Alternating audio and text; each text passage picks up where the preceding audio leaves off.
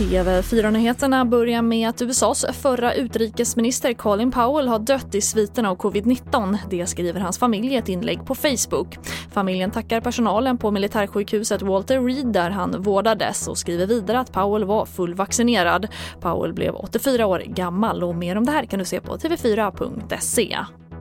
Och den man som gripits för det grova våldsbrottet i Lycksele i morse är i 50-årsåldern och misstänkt för tre mordförsök. I våldsbrottet skadades två barn under 10 år och en kvinna i 75-årsåldern. Enligt källor till Västerbottenkuriren har ett av barnen livshotande skador och enligt uppgifter till TV4 Nyheterna har gärningsmannen använt sig av yxa och kofot. Alla inblandade har en relation till varandra.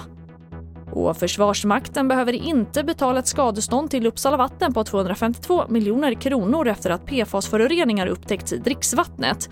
Det fastslog Mark och miljödomstolen idag. Uppsala vatten menar att de föroreningar som upptäcks i dricksvattnet kommer från det släckskum som försvaret under många år använt och fortfarande använder på sina brandövningar på Ärna flygplats. Och det var det senaste med TV4 Nyheterna. Jag heter Charlotte Hemgren.